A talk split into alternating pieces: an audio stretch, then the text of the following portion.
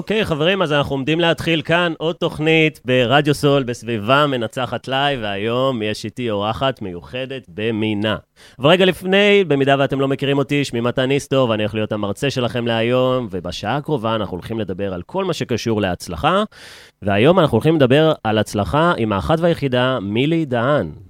תודה רבה, זה כיף להיות כאן. ברוכה הבאה, מילי, מה שלומך? בסדר גמור, תודה שהזמנת אותי. אני באהבה. מתרגשת אה, להיות כאן, גם אחלה תוכנית. ו... ובואו נתחיל. יאללה, בואו נתחיל. אז מילי, לכל מי שלא מכיר אותך, בואי תספרי לנו קצת על עצמך. אז אה, נעים מאוד, אני מילי דהן, אני בת 28, אני גרה בנס ציונה. אני יזמית המותג אה, Sugar Mama, Daddy ו Kids, שזה אה, בגדי ים. Sugar Mama. כן, אבל התפתחנו מאז Sugar Mama, Sugar Mama התחתנה עם Sugar Daddy, וואלה. עכשיו יש להם ילדים. אוקיי. אז uh, זה בגדי ים לכל המידות, Mm. uh, ממידה של נוער, שזה מ-14, אז הטווח הוא ממידה 14 עד מידה 60. דברים שלא מייצרים מה זה, מה זה מידה טובות. 60? כי אני, אני לא יודע מה זה אומר, נראה לי שגם רוב האנשים לא יודעים מה זה לא, אומר. מ- כי לא מייצרים מידות כאלו בארץ. 60 זה כאילו, זה גדול? זה כאילו, טווח אמריקאי זה 6-7 אקסטרה לארג'. שש... אה, זה, זה שווה ל-6-7 אקסטרה לארג'? כן, אוקיי, אז זה, זה בגדי ים למידות גדולות. נכון, אבל יש גם מידות קטנות היום. זה כן. התחיל כעסק שהוא היה רק למידות גדולות, אבל בגלל שזה כל כך היה פורץ דרך, אז זה פשוט נפתח לכל, לכל המידות. ובגלל ששנה שעברה הגיעה אליי ילדה שכל כך ריגשה אותי, אז uh, פתחתי קולקציה רק לנערות. רגע, מילי, איך הגעת בכלל לבגדי ים למידות גדולות? מה, מה הקהל שלנו לא יודע לגביי? אז אני במקצוע שלי שחקנית, אני משחקת uh, בטלוויזיה בעיקר, בצומת מילר, אוקיי. אה, גם בעונה הבאה, שכבר הצטלמה, אבל היא אה, תהיה... וואלה. כן. אוקיי, נראה לי שהרבה אנשים אה, שמחים לשמוע את זה. מכירים את זה. מכירים את זה. יואו, ראיתי אותך יוצאת מהאוטו, יהלום חמה חמה, diamond hot hot. אני זוכר את זה, אני זוכר את ה... ילדים בטיקטוק עד היום אומרים לי, יואו, אני לא מאמין, diamond hot hot, וזה כאילו, זה כאילו לראות שנה, שנייה וחצי ב prime time, כאילו, מה היא יכולה לעשות. מדהים. אז הולכת להיות עוד עונה ואת הולכת להשתתף שם גם כ... דיימון. גם כהלום חממה? אוקיי, סבבה. אז רגע, אמרת ש... מאיפה הכל התחיל? התחלתי בכלל בבית ספר למשחק, למדתי משחק שלוש שנים. אני בהכשרה שלי, כן. אה, שחקנית. בשנה השנייה, שהייתה השנה הכי משמעותית בשבילי, בבתי ספר, ב- למדתי בבית ספר הדרך בגבעתיים, אצל רותי דייכס ואייל כהן, שהם כאילו, זה בית ספר שמתמקד בעיקר בקולנוע. משחק מול מצלמה. אוקיי. אז אם שואלים אותך מה את עושה, את אומרת שאת שחקנית? זה חלק מה... זה חלק מ... אני אומרת שאתה מותג, אתה פשוט הכל. אז אני גם שחקנית, ובמהלך הבית ספר למשחק אה, מפיק אופנה מאוד גדול שקוראים לו מוטי רייף. אה, גילה אותי. הפכתי להיות דוגמנית מסלולים. צעדתי בביוטי סיטי, בסופר פארם של החגיגה בעצם שיש בסופר פארם. וב-2016, כשהדבר הזה הגיע לחלונות הגבוהים, מה. שנקרא, אה, כל העניין הזה של אידיאל היופי, אז זה גם נפתח בפניי, גם פתאום ראיתי קהילה שדוברת את אותה השפה, זה כאילו, דו, יש את המשפט הזה שאנחנו יודעים את זה כמנטורים, שאני גם, גם משמשת גם כמנטורית לאותן נשים ונערות, שזה אולי הסיפור שלי, אבל הוא לא באמת רק עליי. אנחנו, כלל החברה, חווינו את אותם הקשיים במהלך הדרך לגבי אידיאל היופי. כולנו גדלנו כאן על מודל שהוא רק רזה, כאילו, אם זה דוגמניות שהראו לנו בשנות ה-90, תחילת ה-2000. אז כשאת אומרת זה- שאת היית דוגמנית, אני התחלתי כדוגמנית, ואז זה, הגיע... דוגמנ... זה מה שנקרא דוגמנית למידות גדולות. אה, כן, אבל זה לא בדיוק היה כאילו מוגדר ככה. זה היה חדש, זה היה פורץ כן, דרך באותה הם תקופה. ביקשו מאיתנו לא להשתמש במונח הזה. על איזה שנה אנחנו מדברים? 2016, 17, 18, 19. אני חושב שזה התחיל, מה, מה, מה היה קודם, זה או נטע ברזילאי? זה. זה? נטע ברזילי פרצה ב-2018, עם אוקיי. באירוויזיון של 19, כן.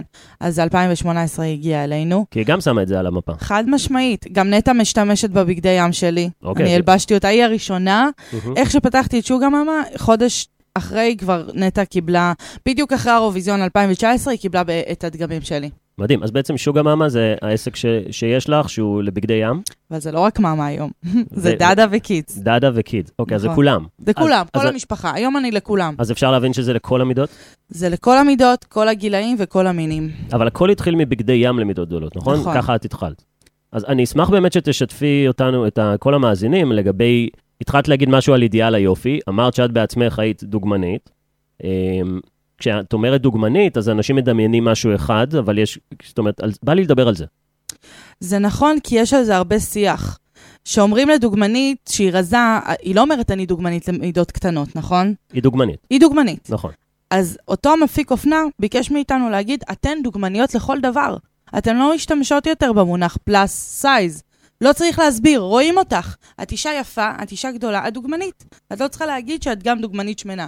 למרות שזה לא אכפת לי. אני לא, לא אוהבת הגדרות. את אומרת, כי מי שרואה מבין. כן, מי שרואה מבין. מה צריך, להאכיל את הקהל בכפית? אוקיי. רואים. זה הכל. אבל אני חושב שהאתגר זה ש...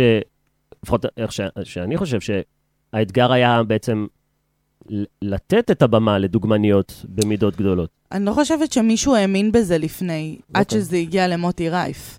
אני באמת רואה, מי כאילו... מי זה מוטי רייף? מוטי רייף הוא מפיק אופנה. Mm-hmm. פעם הוא היה סוכן דוגמניות, הוא מפיק, אה, מפיק תוכניות גם, יש לו חברת הפקות.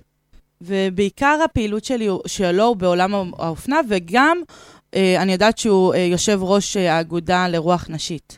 זאת אוקיי. אומרת שהוא מוביל את זה. אכפת לו מנשים, הוא תורם המון לנשים, ואני חושבת שברגע שהוא לקח את זה בידיים שלו, זה באמת התחיל לקבל ביטוי והתחיל להתגלגל יותר. כי אם לצורך העניין ההופעת בכורה הייתה בביוטי סיטי ב-2016, שזה האירוע של הסופר פארם, אז אחר כך זה היה בשבוע האופנה לראשונה ב-2017, שגם שם הייתי. פעם ראשונה שצעדו בשבוע האופנה נשים גדולות. מתי זה היה? 2017. אוקיי, אז... לא מזמן. ממש לא מזמן. כן. איך העולם מקבל את זה? בהתחלה זה נתפס כגימיק, שזה משהו שמשתמשים בו על מנת שיהיה עניין.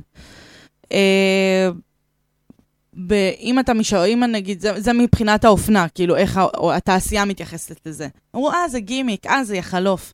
אבל אחר כך גם בלייזר לקחו אותי, ואז הפכתי להיות חלק מהדוגמניות של, של לוח השנה, השנתי, שיוצא של בלייזר.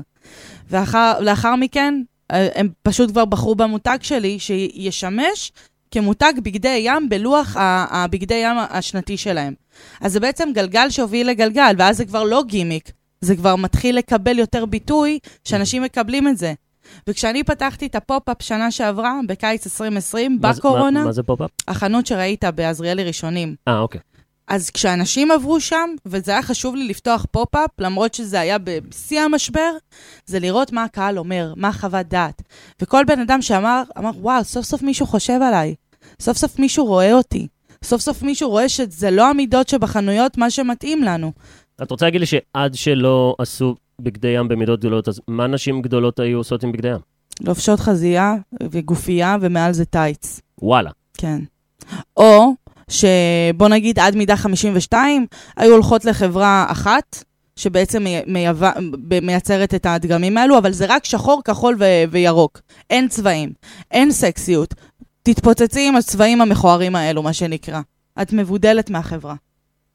כמו איזה אות קין, אם אני שמנה, אז או שחור, או ירוק, או כחול ב- ב- רויאל, ירוק בקבוק, זה הצבעים. Okay. אוקיי. צבעים לא שמחים. איזה נערה רוצה ללכת עם צבעים כאלו?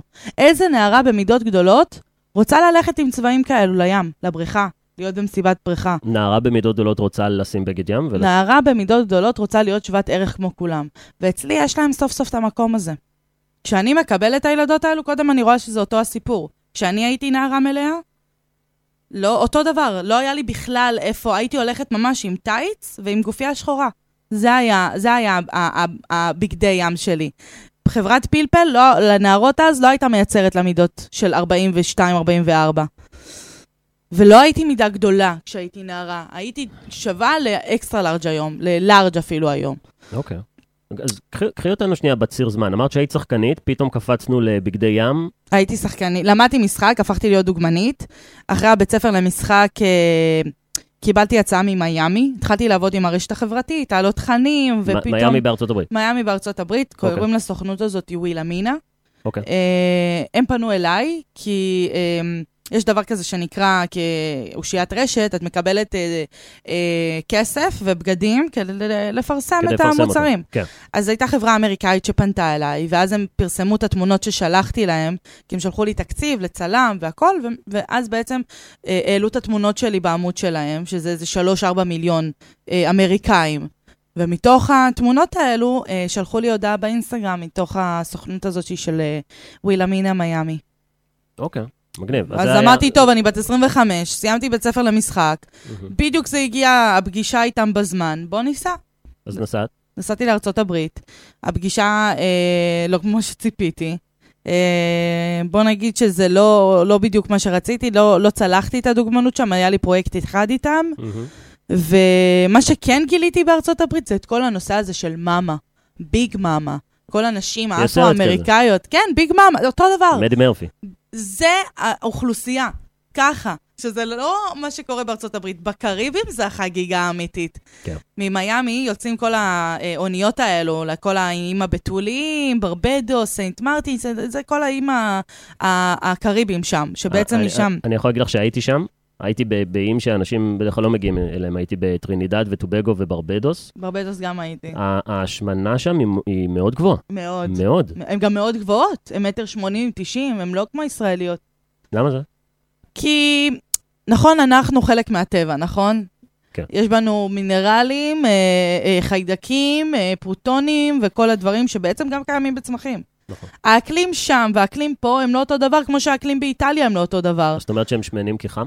כי חם, כי זה אקלים אחרים, כי זה אה, תרבות אחרת. רגע, כי- יש תרבות ויש אקלים, זה דברים זה שונים. גם חלק מזה. כי הרי שיש לך גם אקלים, הרי הגוף שלך צורך יותר, נכון? אוקיי. אתה, אתה המאסטר מבינינו. אני אני- אני לא- לא יודע אם אני מאשר את זה. אתה לא, אתה, אתה עוד חושב על זה. כן. בוא נגיד שהם אוכלים ללא הרף. זה לא אותה, אנחנו ממש, הישראלים, עדינים בתרבות האכילה שלנו לעומתם. אנחנו גם שמנמנים בישראל. אנחנו גם שמנמנים, אבל אה, אם נגיד המידה הממוצעת פה של נשים אגב, זה- כן, מה היא? זה 40-42, לא אמרת לי כלום עכשיו כגבר. extra large large, אוקיי? רגע, המידה הממוצעת אצל נשים בארץ זה extra large large? כן, שמה שאני יוצא לי למכור, אני רואה את זה הרבה. המידות שהכי הרבה נמכרות אצלי זה large, extra large ואחד extra large. אוקיי, זאת אומרת, סבבה. 40, 42, 44. כלל, אגב, רוב הנשים פה במדינה, מהמם. שזה 62 אחוז, הן מידות 40 ומעלה. זאת אומרת שיש יותר נשים מלאות מאשר נשים רזות במדינה הזאת. ש- וואלה, כן, 62 אחוז הם במידות, אפשר להגיד שהם בעודף משקל? אפשר להגיד שהן בעודף משקל, אבל הן לא שמנות מאוד, הן כאילו מלאות. אוקיי. מידה אקסטרה לארג' היא מלאה. אז מעבר לזה שיש פה שוק מאוד אה, גדול ל... שוק ענק, שוק עצום, ואז הבנתי את תחום היזמות. שאם אני לא אענה על הצורך הזה, אף אחד לא יענה על זה. אז היית במיאמי, לא עבד, איך הגענו ללפתוח מותג של בגדי ים? יפה, שואל שאלה טובה. ראיתי את כל הנושא הזה של המאמה. הם, נגיד פה, כדוגמנית מידות גדולות, או כדוגמנית, את צריכה להסביר בודי פוזיטיב, עוד... לא התחברתי לתוכן הזה. מה זה בודי בודי פוזיטיב? פוזיטיב זה לקבל, לנרמל את המידה הגדולה, שזה יראה כ- כחלק מהנוף. עכשיו, אני יודעת מה זה ביטחון עצמי. אני ראיתי את המאמה הזאתי. אנחנו שומעים. אני, I saw it. I saw this mom. היא משתלטת עליי, כאילו זה רוח גבית. אני חושבת שגלגול קודם אני הייתי מאמה, כן? חד משמעית. אוקיי. ואז ראיתי מה הולך שם בקריבים, והן לא שמות על אף אחד. הן לא רואות אף אחד ממטר. אני אפילו זוכרת ששאלתי אותה, תגידי, כאילו, אמרתי לה, את יודעת מה זה המונח בודי פוזיטיב? היא עושה לי, בודי פוזיטיב, וואט, ביץ'? כאילו, התחילה... עוד שנייה הרביצה לי. אני כזה, לא, לא הבנת אותי. כאילו חשבו שאני מבקרת אותה על הגוף שלה. אוקיי. ואז אני רואה כאילו איך הן הולכות שם בחוף, כאילו... הן הולכות עם בגד ים של נטע, הלכה מיסטר בננאות. הן הולכות עם... הן הולכות אוקיי, עם הדבר. הבנתי, הבנתי אותה. אוקיי. הן הולכות שם בחוף, ורק אותם שומעים. כל החוף שקט. רק את הממות האלו שומעים אותם. מה זה אומר שומעים? כל החוף שומע את הקול שלהם. הוא שומע את ההמולה, את הרעש, את ה vibe, את הקצב. בעלבתיות כאלה. בדיוק. אז אני yo Latisha, bring him some fries, some chicken, some wings, bring me some sauce and diet coke on the side. הם רצים לי diet cola, אוקיי, אחרי כמו- כל כמו זה. בסרטים. בדיוק אדי מרפי קלה בול. זה דודה שלו, שם, בקריבים. אוקיי. ואז ראיתי את כל הקטע הזה. קודם כל ישבתי, ב... אני זוכרת שישבתי על סלע בסיינט מרטין, ואמרתי, איזה סתומות אנחנו הישראליות, יאללה. איזה מטומטמות אנחנו.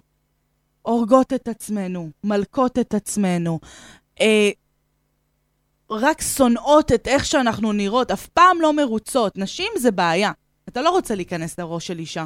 במיוחד לא רוצה להיכנס לראש של אישה שכל הזמן בדיאטות. וזה מה שמלמדים פה בישראל, להקטין, להיות קטנה, להיות צנועה, אה, אה, לא להתבלט, להיות קטנה, קטנה, קטנה, קטנה, ו, ושם הרגשתי חלק מה... כאילו הרגשתי בבית. כאילו הרגשתי, וואלה, הגעתי הביתה. כל הזמן אמרו לי, תהיי שקטה, לא להתבלט, לא לדבר, אה, לא להגיד, לא לבקש. למה? למה? אם לא נבקש ולא נצעק את החלומות שלנו, אז מי ישמע? המיקרופון? החפץ? נסי להכניס אותי לראש של אה, אישה בעודף משקל ב... זה לא רק עודף משקל, כל אישה באשר היא אישה, מידה 34, מאז שהן ילדות. כל הזמן הם בהתעסקות רק להרזות, ואם רזיתי ורזיתי, ואני לא יכולה... אתה יודע, אם היה לי לא שקל, אגורה, כן. על המשפט, אני אף פעם לא לבשתי בגד ים, אני עשר שנים לא הלכתי לים, עשר שנים לא הלכתי מאז שהבאתי ילדים, אני לא, לא הולכת, הן מוותרות על החוויה, הן מוותרות על החיים. כי הן כל הזמן מתעסקות במשקל. הן שמות משקל על המשקל. במקום להבין שזה לא מה שמגדיר אותך. את צריכה לחיות מהדברים הפשוטים. ללכת לים זה דבר בסיסי לך, נכון? אתה, אין בך בעיה ללכת לים. אין לך בעיה להוריד חולצה ולהיכנס למים, נכון? אני בסדר עם זה. יפה. שתדע שכלל האוכלוסייה פה בישראל מאוד בעייתית. ופעם הבאה שאתה הולך לים, תסתכל על כל אלו שמהסביבה שלך, ותראה כמה מהם עם חולצה או עם טייץ או עם של כזה פרה, או שהן קושרות על היריחיים שלא יסתכלו. אני הייתי במקום הזה. אוקיי, אז, השין, אז, אז, אז אפשר לעשות שינוי חיצוני, שזה בעצם מה שה, שהתרבות שלנו דוחף לשם, שמי שבעודף משקל שתוריד במשקל, ואפשר לעשות שינוי פנימי, שזה להרגיש בנוח עם מי שאת. זה הקטע. שאם בן אדם לא יעשה עם עצמו שינוי פנימי, לא משנה כמה דיאטות הוא יעשה, הוא אף פעם לא יהיה מאושר. השאלה אם הוא יצליח בדיאטות. הוא לא יצליח אף פעם, למה הוא לא יצליח? כי הוא לא? אוהב את עצמו. אם אתה לא אוהב את עצמך ב-80 קילו, גם ב-50 קילו אתה לא תאהב את עצמך ותבדוק אותי עם זה.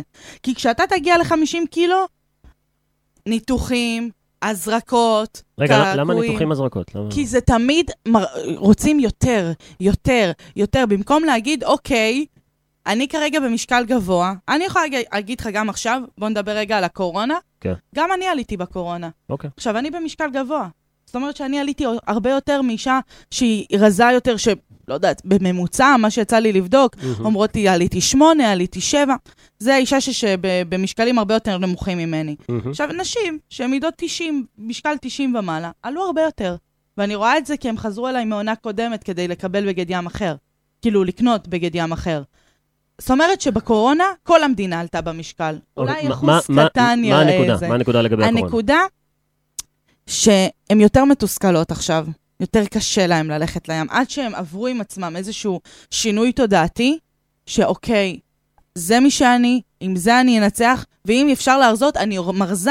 אני עושה עם עצמי דיאטה, אני מקבלת את עצמי, כאילו, לא דיאטה, אני אוכלת יותר בריא. רגע, מילי, את בעד שנשים בעודף משקל יורידו במשקל? אני לא בעד קיצוניות, נקודה. אני לא בעד רזון יתר, ואני לא בעד, כאילו... אני לא משקל. חושב שמישהי ששוקלת אה, כמעט אה, שלוש ספרות או שלוש ספרות במשקל, חושבת שהיא... שהיא תהיה רזונת. זאת אומרת, נכון. מאיפה שהיא ועד רזונת, יש, זה כמו שגברים אה, ב, ב, שבאים אליי לעלייה במסת שריר, אז הם אומרים לי, אני לא רוצה להיות body builder. נכון. עכשיו, אחי, מאיפה שאתה עד ל body builder, כאילו, אתה לא זה תת- רק ניתוח יכול לעזור זה לך גם- להיות גם לזה. ניתוחים. זאת אומרת, מה שאני מנסה להגיד זה שאני אני איתך, אבל השאלה היא עדיין כזאת. האם את חושבת שאת, ואני בא לאתגר אותך פה, האם את חושבת שבמידה מסוימת את לא אומרת לנשים, ואני לא- אפילו לא מדבר על הפן הבריאותי, ששווה לדבר עליו. את לא אומרת לנשים, תקשיבי, את לא צריכה להוריד במשקל, דאגתי לך לבגד ים גדול יותר. אבל זה הקטע, שזה לא מה שיגרום לה לעשות דיאטה. או סליחה, ש... בוא נגיד תכלס, מה שהיה עד עכשיו, לא, לא עשו בגדי ים כאלו לנשים. זה גרם להם לרדת במשקל בשביל זה? רגע, רגע, את אומרת של... עד עכשיו לא היה מעד מידה 60 בחנויות, אוקיי? אוקיי, מקבל את זה, סבבה. אתה חושב שלאותן נשים זה עזר? אני לא יודע. אני אומרת לך שלא. כי הן רק יותר מתוסכלות, יותר קשה, לא רק נשים, גם גברים. גברים יותר מסכנים מנשים, אין בכלל, אין להם שפע בחנויות, במידות הגדולות, אם, אם אתה רוצה כבר להיכנס לזה. אוקיי. לגברים, היום, במידה, נגיד, 5 אקסטרה לארג', אין לו איפה לקנות מכנסיים. לך תזמין זה חנויות מהאינטרנט. ספציפיות. לך, לא, אין חנויות, תזמין מהאינטרנט, תזמין מהאסוס. זה החנויות האלה של האקסים, כן, אקסים, אקסים, אקסים. כן, תזמין בחו"ל. ואני יכולה להגיד לך, תכלס, זה הרבה יותר מתסכל. אני יכולה להגיד לך שבמקום ש... אני יכולה להגיד רק על עצמי, אני לא יכולה להעיד על אף אחד. Okay. אני יכולה להגיד לך ברגע שאני הגעתי לארצות הברית, וסוף סוף נכנסתי לקניון, ומצאתי את עצמי בקניון הזה, כשחזרתי ירדתי לבד במשקל. לא הבנתי את הקניון, איך הוא השפיע. הצלחתי להרגיש שווה יותר, הצלחתי להתלבש, הצלחתי להרגיש יותר טוב עם עצמי. מה. היה בקניון? היה בגדים בכל המידות. אז... היה בגדים, נקודה. אז היו בגדים שהתאימו לך, וזה גרם לך להוריד במשקל? זה גרם לי להרגיש שווה יותר, להרגיש טובה יותר, להרגיש שבא לי להשקיע בעצמי. אז התחלתי להכניס את הרוטינה של, הש... של האימונים, של האימוני כושר, אה, תזונה נכונה, תזונה יותר בריאה, יותר מסודרת. וגם עכשיו, אני אומרת לך תכלס, אני גם עכשיו ירדתי במשקל 6 קילו, okay. אוקיי. אבל אה, אני מתכננת להוריד את כל ה-20 שהעליתי בקורונה. אני העליתי 20 בקורונה. לא מתביישת גם להגיד את זה. אוקיי, בסדר. אז שנייה, אני, אני, אני פשוט רוצה להבין את העמדה שלך. את בעד שנשים יורידו במשקל? אני בעד שכל בן אדם באשר הוא אדם, שימצא את האיזון שלו עם עצמו. כל מקרה הוא לגופו. כל בן אדם ירגיש טוב, לא כל בן אדם, בן אדם ירגיש טוב ב-80 קילו, ובן אדם אחר ירגיש טוב ב-60 קילו. שכל אחד יעשה מה שנכון לו, ומה שמתאים לו, במשקל שלו. אני לא בעד קיצוניות, אני לא בעד שתשקול 200 קילו, ואני לא בעד שתשקל 40 קילו, כי זה לא בריא, לכאן או לכאן. 40 קילו זה לא בריא ו-200 קילו זה לא בריא. תראי, אי אפשר, לה... אם אנחנו מדברים על השמנה, העולם במגמת השמנה, בטח ארה"ב ישראל, שאנחנו אותו דבר. זאת אומרת, לא, אנחנו ממש לא אותו דבר. זאת אומרת, ארה"ב אה, עוקפת אותנו. עוקפת, הם 200 ומשהו כאילו. אוקיי, אבל מה שקורה בארה"ב אה, עתיד לקרות כאן, זה בדרך כלל איך שזה... זה לא עתיד לגדול כאן, זה לא, זה לא ככה, זה לא עובד ככה. זה מה שאנשים חושבים. פה המדינה שלנו, זה כמו המשל של הנמלה עם העיגול. זוכר את המשל הזה? שאם מציירים עיגול סביב הנמלה, היא לא יוצאת מהעיגול. בדיוק, וזה מה שישראל, היא לא יוצאת מהקווים. היא לא, היא לא פותחת את הראש, היא לא פותחת את היצירתיות שלה. כי אני מבטיחה לך, שאם אתה תיצור בגד לילד שהוא בעודף משקל, ותגרום לו להרגיש טוב, ותטפל לו בנפש, הוא הרבה יותר ירגיש יותר טוב עם עצמו, וירצה לעזור לעצמו. אבל ברגע שאתה תנדה ילד, ואתה לא תיתן לו להתלבש כמו כולם, והוא ירגיש שונה, הוא רק יתעסק, יתכנס יותר ללופים עם עצמו, והשריטות האלו ילוו אותו גם כשהוא יהיה בן אדם בוגר. כי הילדים האלו שהיינו, הם לא הולכים ונעלמים, הם כל הזמן איתנו. אנחנו מתפתחים, גודלים, מתחתנים, מביאים ילדים, אבל אנחנו עדיין ילדים, רק איך ציפי שביט אומרת, גברים, זה פשוט ילדים שקיבלו גובה. גם נשים, זה אותו דבר. עדיין, אני רואה את הילדה הזאת, האישה היום שמגיעה לאישה בגיל 40, כן. אני רואה את אותה, אותן השריטות של אותה ילדה בגיל 12. אז מה, מה עושים עם כל זה? משנים תודעה. אם לא נשנה תודעה, ולא ננרמל ונראה בתוכניות טלוויזיה ופרסומות ובחינוך בבית ספר, ולא נראה את הדברים האלו, לא נדע לחנך את הדור הבא, הלופ הזה ימשיך וימשיך וימשיך וימשיך. אבל עכשיו is my watch, ואני כאן לנרמל את זה. לגרום לנשים ולגברים ולילדים להבין שבשוק המאמה קודם כל גם יהיה בגדים, זה לא רק יהיה בגדי ים, אנחנו נתפתח לעוד מוצרים. בחברה עצמה, החברה עצמה שנה הבאה גם תביא בגדים. ב-2022 יהיו בחברה הזאת גם בגדים לנשים, ילדים וגבר... אה. נשים, ילדים וגברים. מה, מה המשימה שלך? מה... המשימה שלי זה לגרום לאנשים לקבל את עצמם בחזרה. למכור לאנשים את הביטחון של עצמם בחזרה. בהנחה שהיה להם ביטחון. היה להם מתישהו. הוא נעלם עם השנים. כי, יכול, כי מצד שני, מגיעות אליי נשים, mm-hmm. שהם כבר אימהות, וגם גברים אגב, שהם כבר, אה, יש להם ילדים, והם אומרים, פעם הייתי. מכיר את המשפט הזה? פעם הייתי. פעם הייתי. פעם הייתי ככה, פעם הייתי ככה. אוקיי, איפה הבן אדם הזה היום? מתי זה הפעם הזה, כשהיא מתייחסת לזה? זה גיל 7, לי... זה גיל 17, זה, זה גיל... מתי זה? שהם רווקים, שהם אה, חתיכים, שהם אה, בשייפ טוב. מתי, מתי, באיזה גיל? כי היא באה אלייך בגיל 40, אבל כשהיא נגיד, מספרת לך על פעם, מתי זה הפעם? גיל ה-20. גיל ה-20. גיל ה-20, הייתי שווה, הייתי חתיך, הייתי זה. את יודעת שזה תמיד חוזר לשם? אפילו בספר שלי יש לי פרק שנקרא צעירים יותר ורווקים יותר, ואני מדבר על זה שככל שאתה צעיר יותר ורווק יותר, הסיכויים שלך להגשים את עצמך גבוה. ואת כאילו גם נותנת את הדוגמה הזאת עכשיו, על מישהי שמזכירה פעם, שפעם היא הייתה יותר בשיא שלה, ואז היא הלכה לאיבוד עכשיו שהיא בת 40. נאבד לה הביטחון. למה זה קורה? כל מיני דברים, אה, ילדים ששואבים ממך, ואי הגשמה שהיא כבר... ילדים זה שמחה, לא? נכון, אבל תלוי מתי. Okay. אוקיי. שזה גם צריך, לה... לפעמים אני אומרת, בוא'נה, אנשים צריכים רישיון להיות הורים. לא העיקר להביא ילדים. מה הכוונה? הכוונה ש... כשאתה רואה זוג שמתחתן בגיל מאוד מוקדם, מה זה מוקדם בשבילנו? 20, 18, אוקיי. ילדים, הם ילדים בעצמם. מסכים. ואז, ואז אותן נשים מגיעות אליי, שהן, לא כולם, אבל יש פה רוב מאוד מאוד גדול, אוקיי? לא כולם. יש גם בנות שהן חיות באושר ואושר. אבל יש אחוז יותר גדול שמגיע אליי, כי כשאני מוכרת למישהי, קודם כל היא שופכת את הלב שלה אצלי. כי יש פה סוף סוף מקום שמקבל אותה. ואז היא אומרת, כשהתחתנתי, לפני שהתגרשתי, ככה היא אומרת, כאילו, אתה כבר מבין שהיא גרושה עם ילדים. כן. אז uh, הבעל שלי היה מדבר אליי לא יפה. המשפחה שלו הייתה מורידה אותי. אני ירדתי במשקל כי uh, הוא כל הזמן ירד עליי.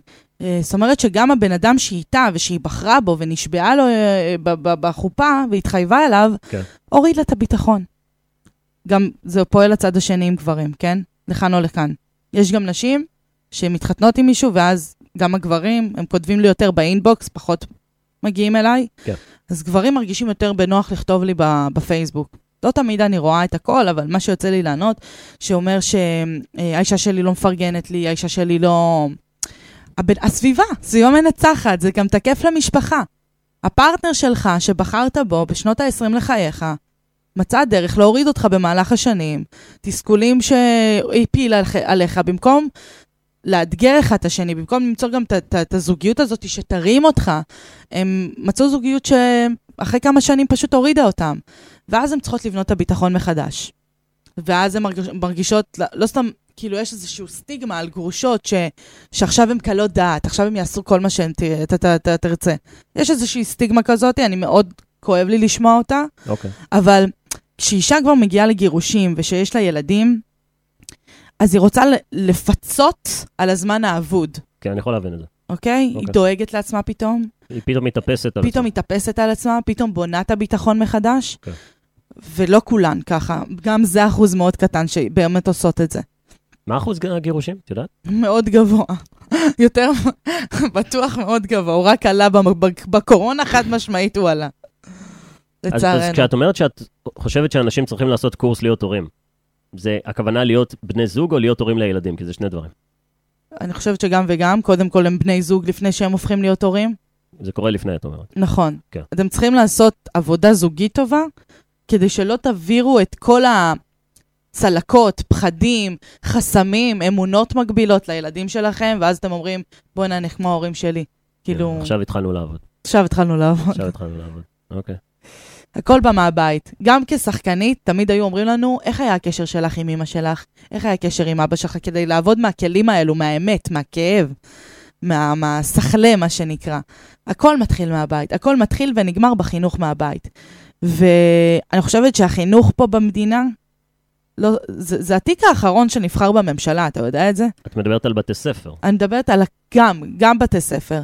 התיק האחרון ב, ב, ב, ב, בממשלה שאין לנו כרגע, זה הכי מעפן, את אומרת. אף אחד לא לוקח אותו. אוקיי. במקום שזה יהיה שווה ערך לביטחון, מהמם. זה פשוט אחרון ב- בשרשרת המזון. יש לך שר מים, אתה יודע שיש תקן שר מים? אה, לא, לא ידעתי. אז יש לך תקן של שר מים. אוקיי. אבל שר החינוך, לא יודעת איפה הוא. מי זה בכלל? מה קורה ב... אני רוצה לפתח עוד את השיחה על הגיל ילדות או על ההורים. את יכולה לתת דוגמאות? אה, את אומרת שההורים מעבירים את הצלקות שלהם לילדים. אתה יודע מה? רק שנייה לפני, יש לי פה שאלה דווקא מה live. יאללה, בכיף. היי מילי, שמי רות מפתח תקווה, והשאלה שלי, שלי היא למה בנות שמנות לא עושות ספורט? ספורט זה בריא ולאכול מזין. אז uh, קודם כל זה לא כל הבנות, דבר ראשון, רות. דבר שני, אני אישית עושה ספורט. אני אישית, מאז הקורונה, uh, בוא נגיד מהראשון לרביעי עשיתי עם עצמי באמת תהליך שאני באמת uh, uh, כל בוקר עושה ספורט, ועוד פעמיים בשבוע מאמן כושר, אז יש בנות שעושות ספורט. Uh, ומי שלא עושה ספורט, זה פשוט כי עדיין לא מצאה את הסיבה שהיא תעשה את השינוי הזה עם עצמה. אוקיי, מדהים. יש לך. משהו להוסיף לרות מפתח תקווה? אני מסכים עם מה שאמרת, אני גם הסתכלתי בסטורי שלך לפני שהתחלנו, הכל שם זה אימונים. הכל שם זה את אה, עושה תרגילים, אז אה, היא באמת אה, מדבר, באמת עושה את מה שהיא מדברת. 43 ימים. שאני באמת מתמידה על תזונה מאוזנת, על ספורט כמעט כל יום, שעה. מילי, מה יקרה אם פתאום תהיי ממש רזה? זה לא יקרה, זה לא ה-DNA שלי. מה זאת אומרת? כי אני אף פעם לא הייתי רזה. הכי רזה שלי זה היה 80 קילו. אני אף פעם לא אראה את זה, לא המבנה שלי, זה לא הטורוס שלי. אני אף פעם לא אהיה 50 קילו, כי זה לא המבנה שלי. טוב, מילי, אם את אומרת את המשפט הזה, את באמת בחיים לא תהיי 50. אבל אני באמת לא אהיה 50 קילו. אוקיי. אני גם לא אהיה, אני לא ארגיש טוב עם עצמי מהמם. ב-50 קילו. אוקיי, אז מה עם בריאות? אני בריאה. כי את צעירה, כי את צעירה, מילי. נוסיף לך נכון. 20 שנה, את בבעיה. אוקיי, מי יודע מה יהיה מחר? אתה ידעת שיהיה קורונה? לא. יפה. אתה חי כאן ועכשיו? השאלה אם צריך לתכנן לעתיד את ה... אני כרגע מתכננת לי את הצעד יום ביום. כל יום קמתי, התאמנתי ואכלתי בריא, ניצחתי. זאת הצלחה בעיניי. קמתי הבוקר, התאמנתי, שתיתי מים, אכלתי בריא, לא אכלתי שוקולד, מהמם. לא חטאתי במה שכביכול מנחם אותי, אוקיי. ניצחתי. אוקיי. וזה מתקשר גם לתוכנית שלך. אוקיי. אני רוצה לחזור מקודם לנושא שאמרת על זה שההורים שלנו מעבירים להם צלקות שיש להם. את יכולה לתת דוגמאות, דברים שאת שמה לב שילדים נהפכים להיות כמו ההורים שלהם, או דברים שההורים מעבירים לנו, אולי זה אצלך, אולי מלקוחות שלך. היה לי סיפור מאוד עצוב. לי מאוד היה אישית קשה לראות אותו. זה היה שנה שעברה, בעזריאלי ראשונים, שהיה לי את החנות הזמנית שם. כן. הגיעה אליי אימא ובת, האימא, בת- הבת בת 40 פלוס, האימא בת 60 פלוס, ואחרי כל העבודה שלי איתה, בתא מדידה, שאני מרימה לה, ואני רואה כמה היא מתביישת, ואני רואה כמה קשה לה, ואני רואה כמה היא גם לא מטופחת, אוקיי? הילדה. אישה, אישה בגיל 40 פלוס, והאימא שלה בת כמה? 60 פלוס. אה, אוקיי, אוקיי. ואז היא יצאה החוצה, הראתה לה את ה... את ה... בגד ים. ועדיין היא חיפשה אישור מאימא שלה שהיא תגיד לה, את יפה, את מושלמת. ואתה יודע מה אימא ענתה לה? מניח שלא אמרה לה. תרדי חמש קילו ואני אקנה לך את הבגד ים הזה. כשהילדה בת 40. כשהילדה בת 40. אוקיי, באותה מידה יכולת להגיד לי 40 ו-15 והייתי מקבל, הייתי, כאילו, זה היה נשמע אותו הדבר. כי זה מה שאמרתי. זה אותן הסריטות של אותה ילדה בגיל, מגיל 12, אמא שלה אומרת לה את אותו המשפט. את אותו המשפט. אז איך יוצאים מזה? אם היא עדיין בגיל 40 עוד לא יוצאים השתחררה. מהבית. לא אוקיי. יוצאים, גם אם זה המשפחה שלך, זה לא, אומר- זה לא מחייב אותך לחיות איתם. יוצאים פשוט מהבית. אז מה תגידי לאנשים בני, אה, ס- בני 19 ש... אני עזבתי את הבית בגיל 19. למה? כי לא היה לי פרטיות. כי לא הרגשתי בנוח. כי לא היה לי נעים. כי לא הרגשתי, כי הרגשתי שיותר מדי נכנסים לי. זה לא שאני לא אוהבת את ההורים שלי, זה לא שאני לא בקשר טוב איתם, ההורים שלי, אני מתה עליהם ואני שורפה עליהם, ושרק יהיו בריאים, שלעוד איזה 120 שנה רק נהיה ביחד. אבל הסביבה לא הייתה טובה לי. אני מגיל 19 כבר לא גר בבית, מאז שאני חיילת. אוקיי, זה, זה מוקדם. נכון? זה מוקדם מה, מהרגיל. נכון. מעניין. אז זה טיפ ש... אז את בעצם אומרת לכל מי שמרגיש לא בנוח בבית שלו, ש... לקבל החלטה ולא לפחד. לצאת. ת, תעשה את הצעד, אלוהים יעזור לך. רק תעשה את הצעד.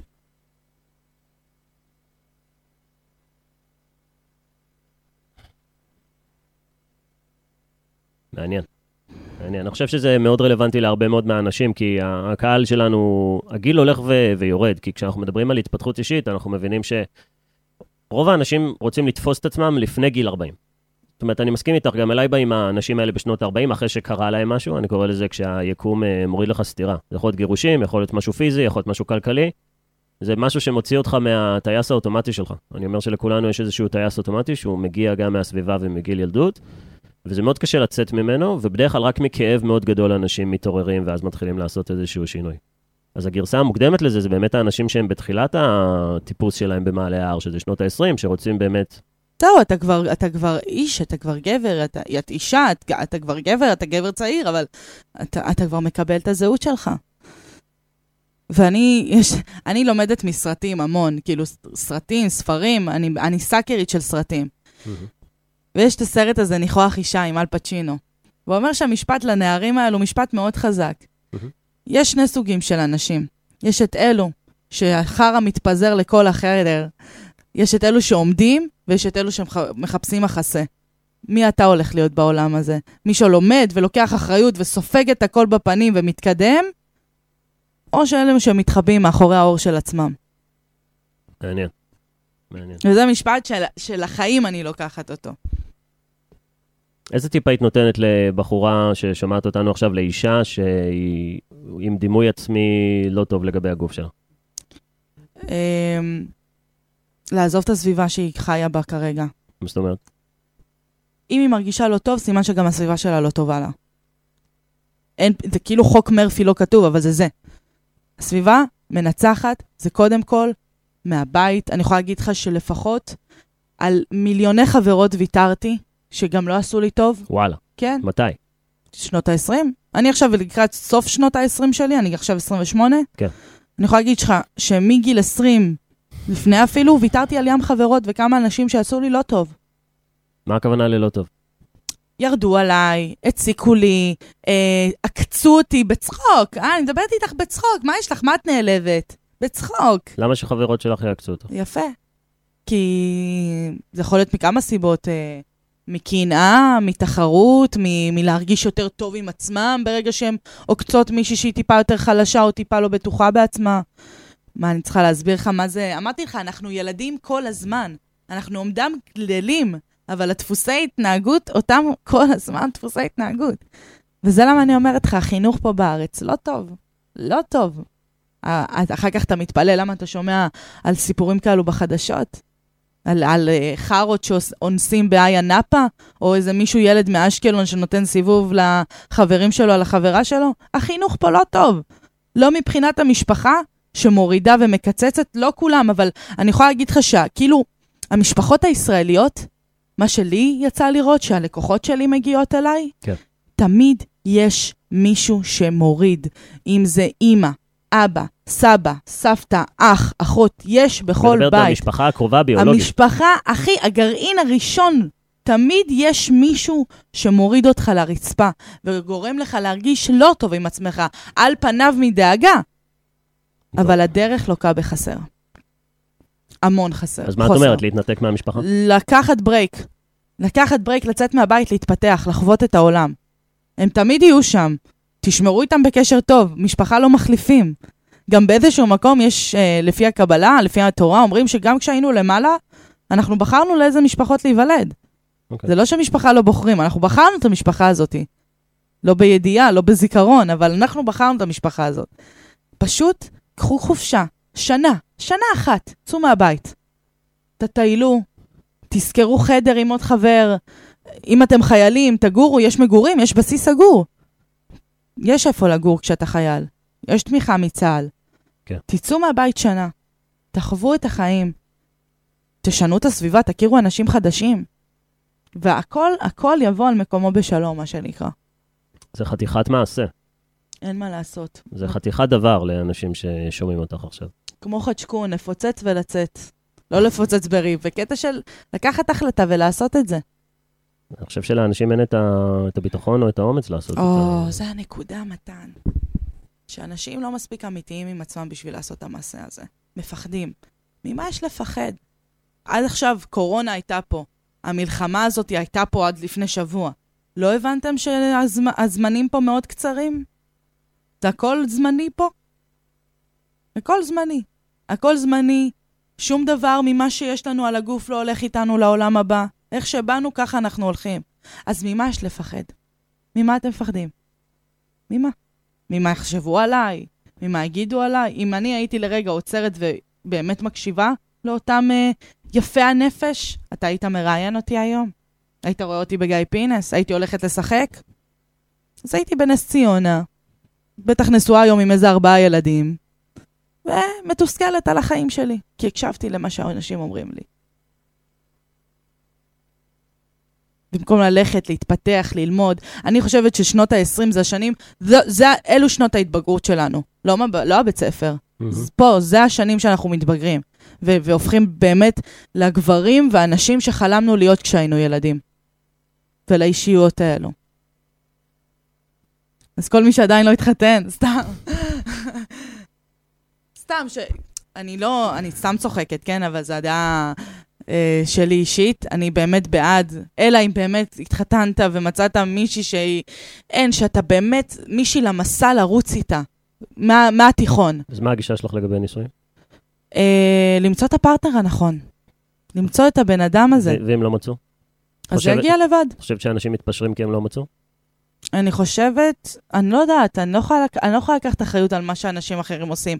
אני יכולה להגיד לך, יש איזשהו לחץ שמגיע בדרך כלל מהאישה, נכון. ממשהו ביולוגי. נכון, נכון, נכון, הנה האחים שלי יושבים לי עד עכשיו על. עכשיו התחילו האחים, עכשיו אני בת 28, כן. עכשיו האחים שלי יושבים לי על הראש. למה? הם דואגים. ממה? מזה שהשעון הביולוגי, אוקיי. אה, מזה שצריך כבר לבנות משפחה, הם אומרים לי, עזבי אותך מחרטות, עזבי אותך מעסקים, אה, תמצאי את המישהו הזה להישען עליו. משפחה מרוקאית, מה אני צריכה... אני צריכה לפרט יותר מדי. משפחה מרוקאית. אני יודעת דבר אחד, שמה שמתאים לי יגיע עד אליי. מה שלי מדויק יגיע בזמן שלי. אני, אני, אני לא מפחדת כי אני יודעת שזה יקרה. כאילו, אנחנו יודעים בסופו של דבר שאנחנו נתחתן ונקים משפחות, זה העולם, זה, זה, זה, זה מהות החיים, לה, להמשיך את, ה, את גלגל החיים. אבל אה, אני אף פעם לא דואגת מזה. אני גם יכולה להגיד לך שעד לא מזמן יצאתי עם מישהו מדהים, אבל זה פשוט לא הסתדר, כי כל אחד רצה משהו אחר. אוקיי. אבל אה, זה בסדר, כי אז מזה... הטיפ שלך לגבי בנות שממש רוצות להתחתן, לנשום, לנשום? לדאוג קודם כל לעצמך. זה- זה- חתיכת מסר. קודם כל תדאגי לעצמך, תבני את הביטחון שלך, את הקרקע שלך. את לא צריכה להישען על אף אחד. זה כמו השם שלי, אם אין אני לי מי לי. אם את לא תעשי לעצמך, אף אחד לא יעשה את זה עבורך. ואישה שרוצה זוגיות, אף אחד לא רוצה מישהי שלא אוהבת את עצמה ולא בטוחה. אישה, בת... הרב יגאל כהן, וראיתי את זה בטיקטוק, אמר, אישה עם ביטחון עצמי זו אישה בריאה. דיברת איתי על בריאות? כן. אז אישה עם ביטחון עצמי זו אישה בריאה. גבר עם ביטחון עצמי זה גבר בריא.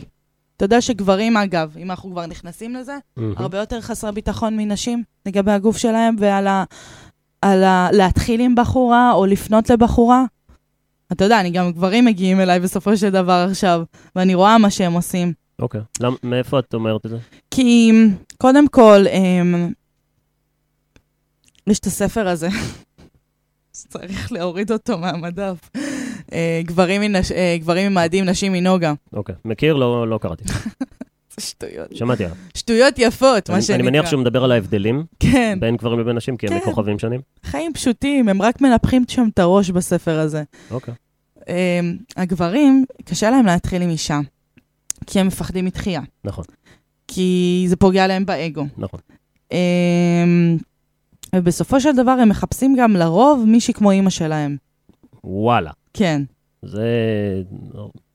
לרוב, לא כולם. יש כאלו שגם לא רוצים מישהי, רק לא מישהי כמו אימא שלי. כן. אבל הרוב באמת מחפשים אישה שכמו שהם, המודל שהם גדלו עליו, האישה, אם זה אימא בלבוסטית, אז אימא בלבוסטית, אם זה אימא פלפל פלפל, אם זאת אימא אה, אשכנזייה, בדרך כלל מתחפשות, בדרך כלל גברים אשכנזים מתחתנים עם מזרחיות. כאילו זה חוב ממש לא כתוב, אבל אני רואה את זה מלא. מלא זוגות שהם, אה, שהגבר אשכנזי, אני רואה את האישה ממש פלפלית, או תימניה או מרוקאית. אז כאילו... מה מה הסיבה שהגבר מפחד? הגבר מפחד מהדברים שציינתי, וגם כי הוא לא מרגיש בטוח בעצמו מספיק. אוקיי. כאילו, הוא עדיין לא מרגיש את ה... את ה alpha man לעשות את המעשה. אם אני אשאל את חברות שלי, הם יגידו לך, אני לא חושבת ככה, כן? כן. אבל חברות שלי אומרות, אין פה גברים, אין פה alpha man. וזה לא קשור לשמנות רזות, זה קשור לנשים בכללי. אוקיי. אני חושבת שהגבר הישראלי אה, אה, לא מספיק אלפא כרגע. לא אני חושבת, סליחה. מה זה אלפא למי. שלא מבין למה את מתכוונת? יוזם, אה, מחזר, אה, מציע, אה, מפחד. או מפחד או לא רוצה לעבוד קשה. אוקיי. את חושבת שזה התפקיד של הגבר להתחיל עם האישה? לא. אני חושבת שגם נשים צריכות להתחיל עם גברים. זה סקסי. הם אוהבים, כאילו, לפי מה שיצא לי לראות, כשאישה מתחילה עם גבר זה מחמיא. זה, זה מושך, זה, זה, מראה, זה מעיד על הביטחון שלה. נכון. אמ, וזה לא קורה הרבה, ככה שהתופעה הנפוצה ביותר שתקרה לגבר זה שבאותו רגע יתפוצץ לו המוח. אתה יודע מה, מתן? אני מוכנה לשים איתך התערבות פה על השולחן. כן. אני באוגוסט הולכת לחגוג שנתיים למותג שלי. אוקיי, אני הולכת לעשות מסיבת בריכה מטורפת, אוקיי. למרות שכבר לא נשאר לי ביג דים במידות הקטנות. נג- בשבילי. נגמר. תבוא לי למסיבת בריכה הזאת, ואני מבטיחה לך, מתן, ואבוי. תבוא מוכן. אוקיי. I just say it. just say it. מילי, אנחנו מתקרבים לסוף התוכנית שלנו. אמ, לכל מי שרוצה להכיר אותך קצת יותר, לכל מי שרוצה לעקוב אחרייך, או להגיע ולראות את המוצרים שלך, או פשוט לראות את התוכן שאת מעלה, איפה אפשר uh, למצוא אותך? אה, קודם כל, יש את החנות האינטרנטית. שוגה מאמה היא נכון לעכשיו רק אינטרנטית, אלא אם רוצים לתאם מראש מדידה, יש כאלו שעדיין לא קונים אינטרנטית, שזה הלם. אמ, www.sugamama.co.il, כרגע האתר הבינלאומי בשיפוצים. אמ, ובאינסטגרם, טיק טוק, פייסבוק, מילי דהן. אה, ובצומת מילר. וצומת מילר בעונה הבאה, ויש עוד הפתעות, יש עוד הפתעות על הפרק, אני לא יכולה לספר אותם כרגע, למרות שממש רציתי, אבל אני אספר לך בפרטי. טוב, חברים, אנחנו הגענו כאן לעוד אה, סיומו של פרק בסביבה מנצחת לייב. לכל מי שרוצה לשמוע את הפרק הזה במלואו, מוזמן לחפש אותנו או באתר של רדיו סול, או להיכנס לספוטיפיי ולרשום סביבה מנצחת לייב. אתם יכולים לחפש את עמוד היוטיוב שלי, של מתן ניסטור, לעקוב אחריי ברשתות החברתיות, פייסבוק, גוגל, טיק טוק, אינסטגרם. אנחנו נמצאים בכל המקומות, והמטרה שלנו זה בכל שבוע להגיע אליכם ולתת לכם את התוכן הטוב ביותר שאנחנו מסוגלים, לגבי הצלחה, לגבי התפתחות אישית, ולהביא לכאן את האנשים הטובים ביותר במדינת ישראל, כדי שייתנו לכם השראה באמת להגשים את עצמכם. אז עד כאן זה לגבי התוכנית שלנו. אני מאוד מודה לכם שהייתם כאן, אנחנו נתראה בשבוע הבא עם אורח נוסף, ושיהיה לכם אחלה של יום.